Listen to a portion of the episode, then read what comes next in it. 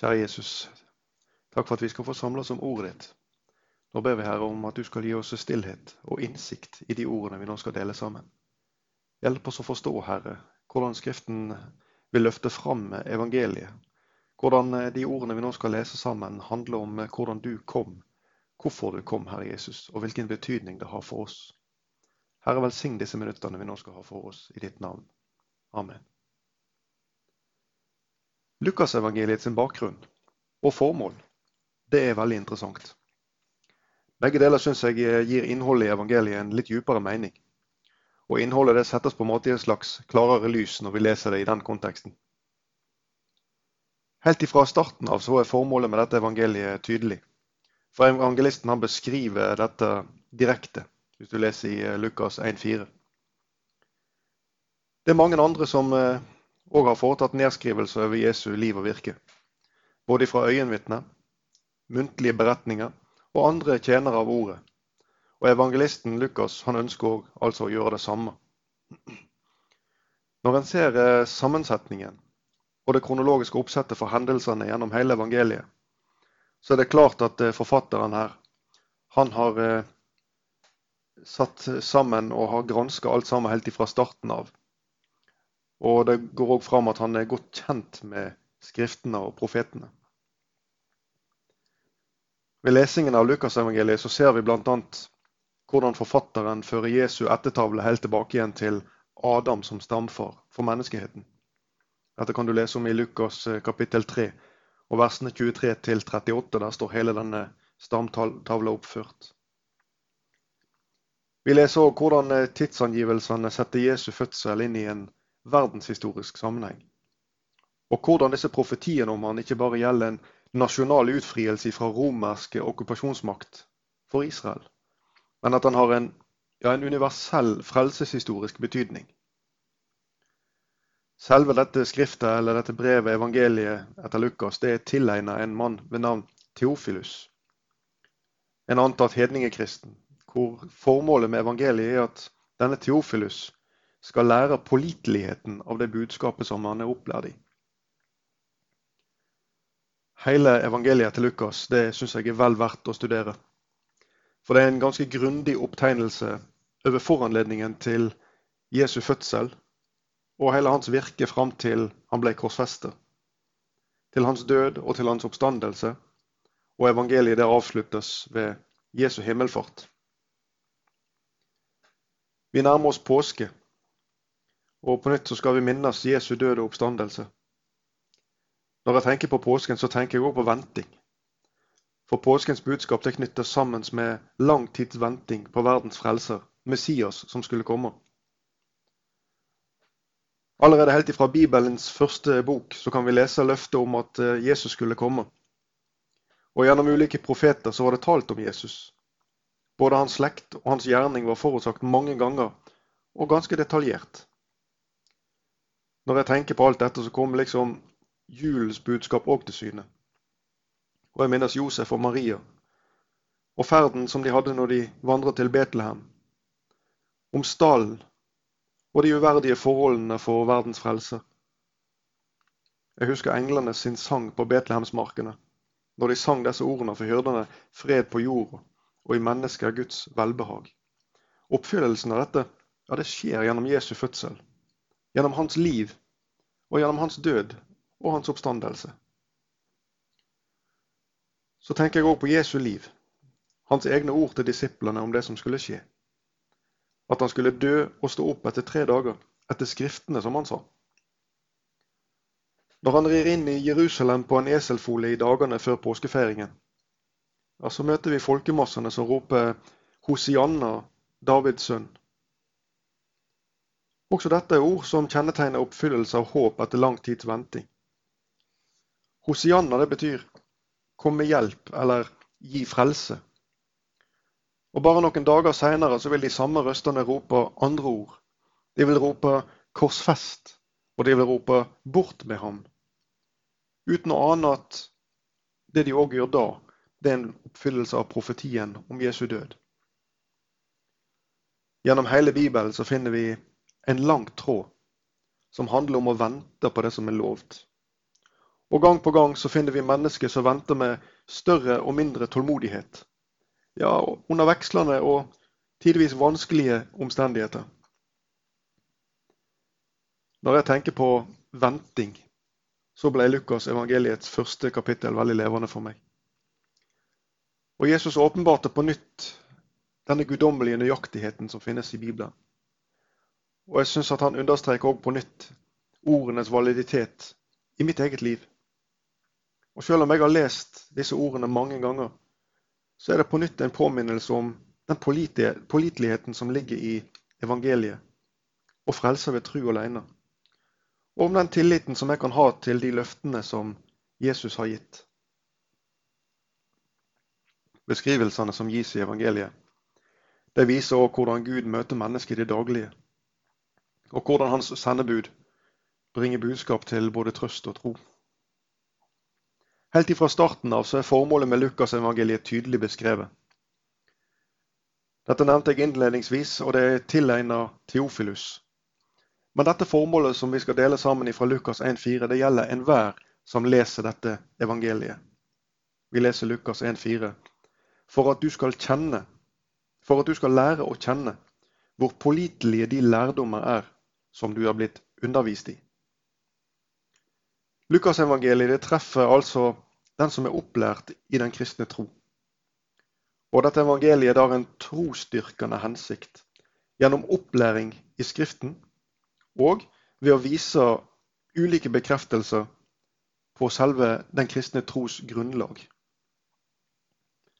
Selv om forfatteren av Lukasevangeliet først omtaler Jesu ettertavle, helt tilbake fra menneskehetens begynnelse i kapittel 3, så starter evangeliet med beskrivelsen av døperen Johannes og hvordan han ble født.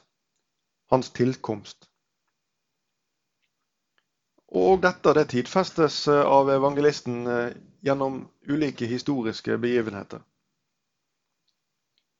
I Lukas eh, kapittel 1 av vers 5-7 det beskriver presten Sakarias og hans hustru Elisabeth.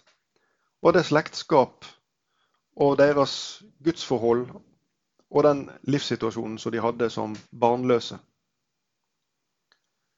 Sett i sammenheng så er jo denne barnløsen ikke bare et menneskelig problem for disse to, men det er òg en teologisk problemstilling. Ordene fra 5. Mosebok kapittel 7 og vers 14 har nok ringt mange ganger for deres indre øre. Der leser vi Velsignet skal du være fremfor alle andre folk. Det skal ingen ufruktbar være blant dine menn eller dine kvinner, og heller ikke blant dine husdyr. Dette løftet det ble jo gitt av Herren, men på betingelse av lydigheten imot den pakten som han hadde oppretta med Israel. Isolert sett så finner vi at Sakarias og Elisabeth de hadde et oppriktig gudsforhold. Og Det beskreves sånn i Lukas 1,6 at begge var rettferdige for Gud og vandra ulastelig etter alle Herrens bud og forskrifter.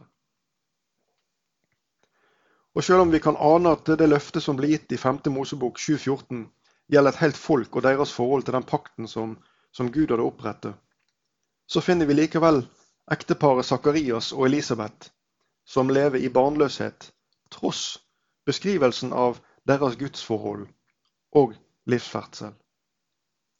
Begge var kommet langt opp i årene, og de hadde åpenbart resignert ved å konkludere med at Elisabeth var ufruktbar. Og Det er ikke vanskelig å forestille seg fortvilelsen gjennom et langt liv, eller de mange bønner som må ha steget opp fra disse to til Herren med håp, ja, kanskje gjennom tårer. I Lukas 1,7 så leser vi de hadde ikke barn, for Elisabeth var ufruktbar, og begge var kommet langt opp i årene. Du, Dette verset det beskriver nærmest hvordan vi mennesker kan ha det. Når vi sjøl syns at vi har bedt lenge nok, eller når vi har avfunnet oss med at vi ikke får det vi ber om. Og dette verset det minner om vår egen begrensning. Og om hvordan vi sjøl kan komme til å betrakte omstendighetene som ja, premissgivende for hva Gud kan utføre. dette verset det får meg på mange måter til å slå blikket ned.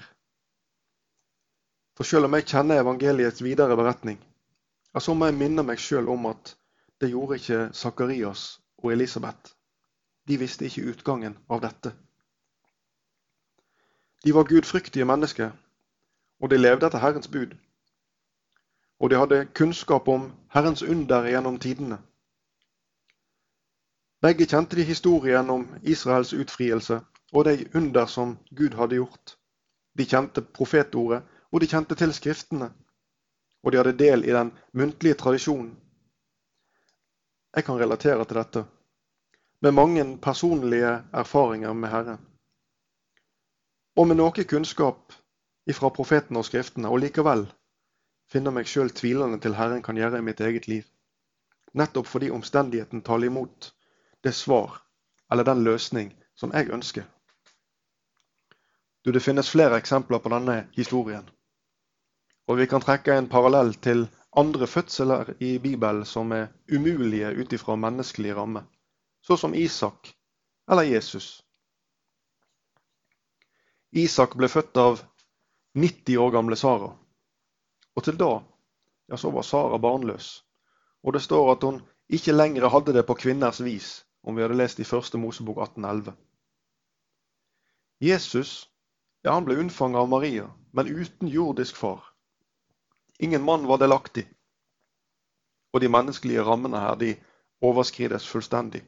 Og Gud han handler, og så gjør han det som for oss er helt umulig. Da engelen møter Sakarias under Sakarias sin bønn med røykeofferalteret, ja, da får Sakarias høre at hans bønn er hørt. Engelen beskriver ikke hvilken bønn det gjelder. Og Isolert sett så minner dette meg om at det, det er ingen bønn som blir forbigått hos Gud. Hver eneste bønn høres. Når Sakarias gjør tjeneste ved røkofferalteret denne dagen, ja, da er det kanskje hans levetids største øyeblikk. Og han er trukket ut ved loddtrekning til denne gjerningen som han gjør på denne dagen. Vi leser Lukas 1, 8-9. Så skjedde det, da turen var kommet til hans skift, og han gjorde prestetjeneste for Gud, at det falt på ham ved loddtrekning, slik skikken var i prestetjenesten, å gå inn i Herrens tempel og brenne røkelse. Du, Det er anslått at det var omkring 20 000 prester som tjente ved tempelet. Og at det kunne være rundt 1000 prester på hvert skift. Og Dette er òg grunnen til at det ble foretatt loddtrekning for denne oppgaven som gjaldt å brenne røkelse for Herren. Og Et sånt privilegium ja, det kunne bare tilfalle én prest én en eneste gang i hans levetid. Og mange oppnådde ikke dette noen gang. Dette er beskrevet i de gamle jødiske tekstsamlingene, Mishna, i Tamid kapittel 5 vers 2. Mishna er en av jødedommens religiøse tekstsamlinger. Og den inngår som en av to deler i Talmud. Det var det første betydelige skriftlige samling av jødiske muntlige tradisjoner. og De er kjent som den muntlige Tora. Det er òg det første betydelige verk innenfor rabbinsk litteratur. Mens Sakarias står og brenner røkelse for Herren, så kan dette altså ha vært hans største og mest høytidelige stund i hans liv. Det blir derfor ekstra sterkt, synes jeg, å lese hvordan engelen beskriver at Sakarias bønn er hørt. Og hvordan engelen går direkte videre med å berette løftet om at Elisabeth skulle føde en sønn. Midt i høytideligheten, i dette store øyeblikket, så kan en liksom ane hvordan Sakarias sorg over barnløshet fortsatt preger hans hjertebønn. Samtidig som han har resignert og avfunnet seg med denne situasjonen. På den ene sida så er Herren inderlig nær. Og på den andre sida så er hjertet prega av motløshet. Engelen beskriver løftet i en kontekst som burde skape tillit hos Sakarias. For han kjenner jo Skriftene og profetene. Engelen beskriver livsgjerningen til dette barnet som skal fødes. Hva dette barnet skal gjøre, hva det skal utrette. Og vi leser i Lukas 1,17 disse ordene som engelen sier. Han skal gå foran ham i Elias ånd og kraft, for å vende deres fedre til barn og ulydige til rettferdiges sinnelag. Han skal forberede et folk vel skikket for Herren. Gjennom denne beskrivelsen så burde Sakarias forstå at Johannes, denne gutten som skal bli født, han er den Elias som skulle komme, som skriftene talte om. I Malakia, profeten Malakia, vers, kapittel 3 og vers 1, der leser vi Se, jeg sender min budbærer. Han skal rydde vei foran meg. Brått skal han komme til sitt tempel. Herren som dere søker. Paktens engel, som dere inderlig lengter etter. Se, han kommer, sier Herren, herskarenes Gud. Og i Malakia kapittel 4 og versene 5-6. Se, jeg sender dere Elia, profeten, før Herrens dag kommer, den store og forferdelige. Han skal vende fedrenes hjerte til barna, og barnas hjerte til deres fedre, så jeg ikke skal komme og slå landet med bann. Til tross for disse ord så er det liksom tvil som preger Zakarias sitt hjerte. Og jeg må vel erkjenne at jeg kan kjenne meg igjen i dette. Omstendighetene de taler løftet imot. Og det at omstendighetene taler løftet imot, det overskygger òg dette gledens budskap som engelen kommer med. Mine egne begrensninger de blir på en måte på nytt premissgivende. Og et øyeblikk, altså betydningen av de ordene som Engel talte til Abraham, borte ifra min egen tanke. Engel talte til Abraham i første Mosebok kapittel 18 og vers 14 og sier disse ordene. Skulle noen ting være umulig for Herren? Du Sakarias' spørsmål til engelen, etter at dette vidunderlige budskapet er gitt han, det bekrefter hvordan tvil og resignasjon har tatt plass. Jeg har fått rotfeste i Sakarias sitt hjerte. Og på nytt altså møter jeg det stadige søkelyset på begrensninger og manglende tillit. Ja, manglende evne til å ta inn over meg at Guds løfte at jeg har validitet basert på rammer helt utover min egen fatteevne. I Lukas 1, 18, så sier Sakarias til engelen Hvordan skal jeg vite dette? Jeg er jo gammel, og min kone er kommet langt opp i årene. Og engelens svar og det bekrefter langt på vei kontrasten i Sakarias sitt liv. For her står han, presten, som lever i et aktivt og godt gudsforhold. Og som får møte dette himmelens sendebud og høre det mest direkte gledens budskap og en bekreftelse på bønnhørelse. Og likevel så står han her, presten, og klarer ikke å se Guds makt. I Lukas 1, 19, så svarer engelen Sakarias disse ord. Jeg er Gabriel, som står for Guds åsyn. Jeg er sendt for å tale til deg og bringe deg dette gledesbudskapet. Du, disse ordene fra engel de minner meg om Israel sitt møte med Moses. Når han kommer til, de, til Egypt, og når han for andre gang må stadfeste Guds løfte om at Gud vil utfri dere, men hvor omstendighetene dette folket befinner seg i, fullstendig overskygger budskapet. Og så leser vi 2. Mosebok 6,9. Men de hørte ikke på Moses pga. sin motløshet og det hårde trellearbeidet. Men tross Israels motløshet, og tross Sakarias sin motløshet og manglende tru, så oppfyller Guds løfte i den tid som Gud har bestemt. Du, dette det minner meg om at Guds løfte de er ikke betinga en tilstrekkelig stor tro men at han tvert imot gir løfte og oppfyller disse løftene for å styrke min tro og min svakhet. Evangeliet til Lukas det bærer med seg nettopp denne lærdommen. Om både budskapet om Johannes og Jesu unnfangelse og fødsel. ja, det er òg viktige påminnelser om dette. Sakarias ble stum fordi han ikke trodde de ord som han ble fortalt. Og stumheten den opphørte ikke før den dag når løftet ble oppfylt.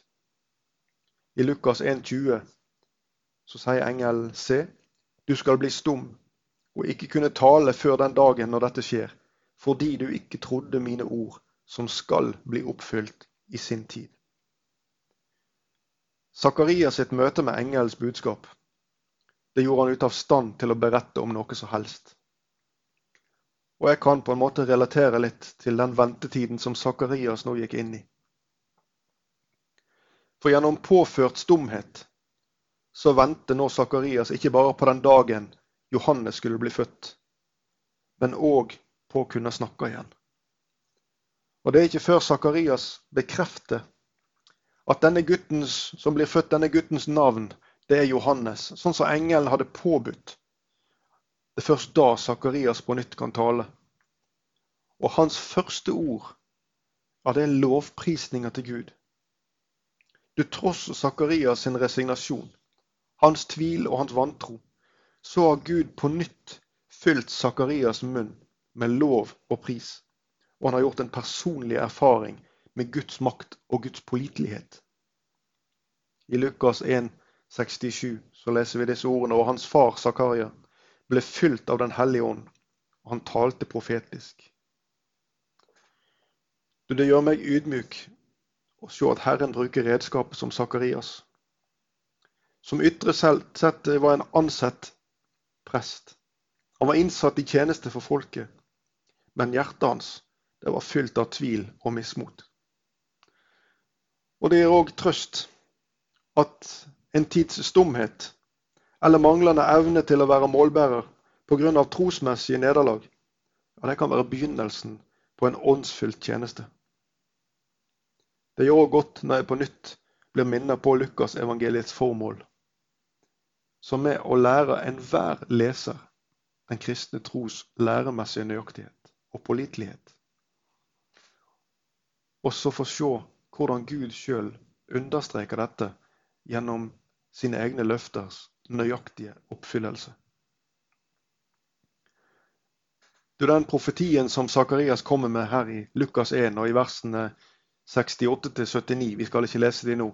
Men de er spekka med referanser til skriftene og til profetord. Og vi finner en, en åndsinspirert tale i det som Sakarias uttrykker. Og Uten å sitere denne profetien, så finner vi referanser til første Mosebok, til salmene. Vi finner referanser til begge Samuelsbøkene, til Jesaja, profeten Mika og profeten Malaki, bare for å nevne noen. Og igjen så løftes på en måte troens fundament fram. Og evangeliet understreker Skriftens nøyaktighet og pålitelighet. Vi ser disse punktene gjennom historien som oppfylles i tråd med det som er lovt. Du Gud, han er i sannhet god. Og gjennom Lukasevangeliet sin videre beretning så forteller det om hans uforståelige og forunderlige kjærlighet til deg og meg. Først gjennom Jesu fødsel og videre ved å plassere denne fødselen inn i profetordet og i oppfyllelsen av Skriftene, både teologisk og historisk. Det viser meg hvordan Gud bruker det som er vanskelig, eller umulig, i våre øyne. Og hvordan Guds omsorg og kraft trosser de barrierer som synes å gjelde i våre liv. Du engelen sine ord til Abraham og de tilsvarende ordene til Maria, de gjelder fortsatt. Og de gir grunn til håp og glede for deg og for meg i dag og for framtida. Lukas 1,37. For ingenting er umulig for Gud. La oss be. Herre, hjelp oss å forstå at for deg så er alle ting mulig. At du tilgir alt, Jesus, og at du gir hver den som ber deg, en ny start og en helt ren kledning. Hjelp oss, Herre, å akseptere at våre begrensninger de gjelder ikke for deg. For ordet ditt, ja, det sier at ingenting er umulig for deg. Halleluja. Herre, lære oss å vente på deg med tålmodighet. Lær oss mer om tillit gjennom ditt ord, og gi oss innsikt, Jesus, til å forstå at ditt ord ja, det står fast sjøl når vi syns at omstendighetene taler deg rett imot. Hjelp oss, Jesus. Amen.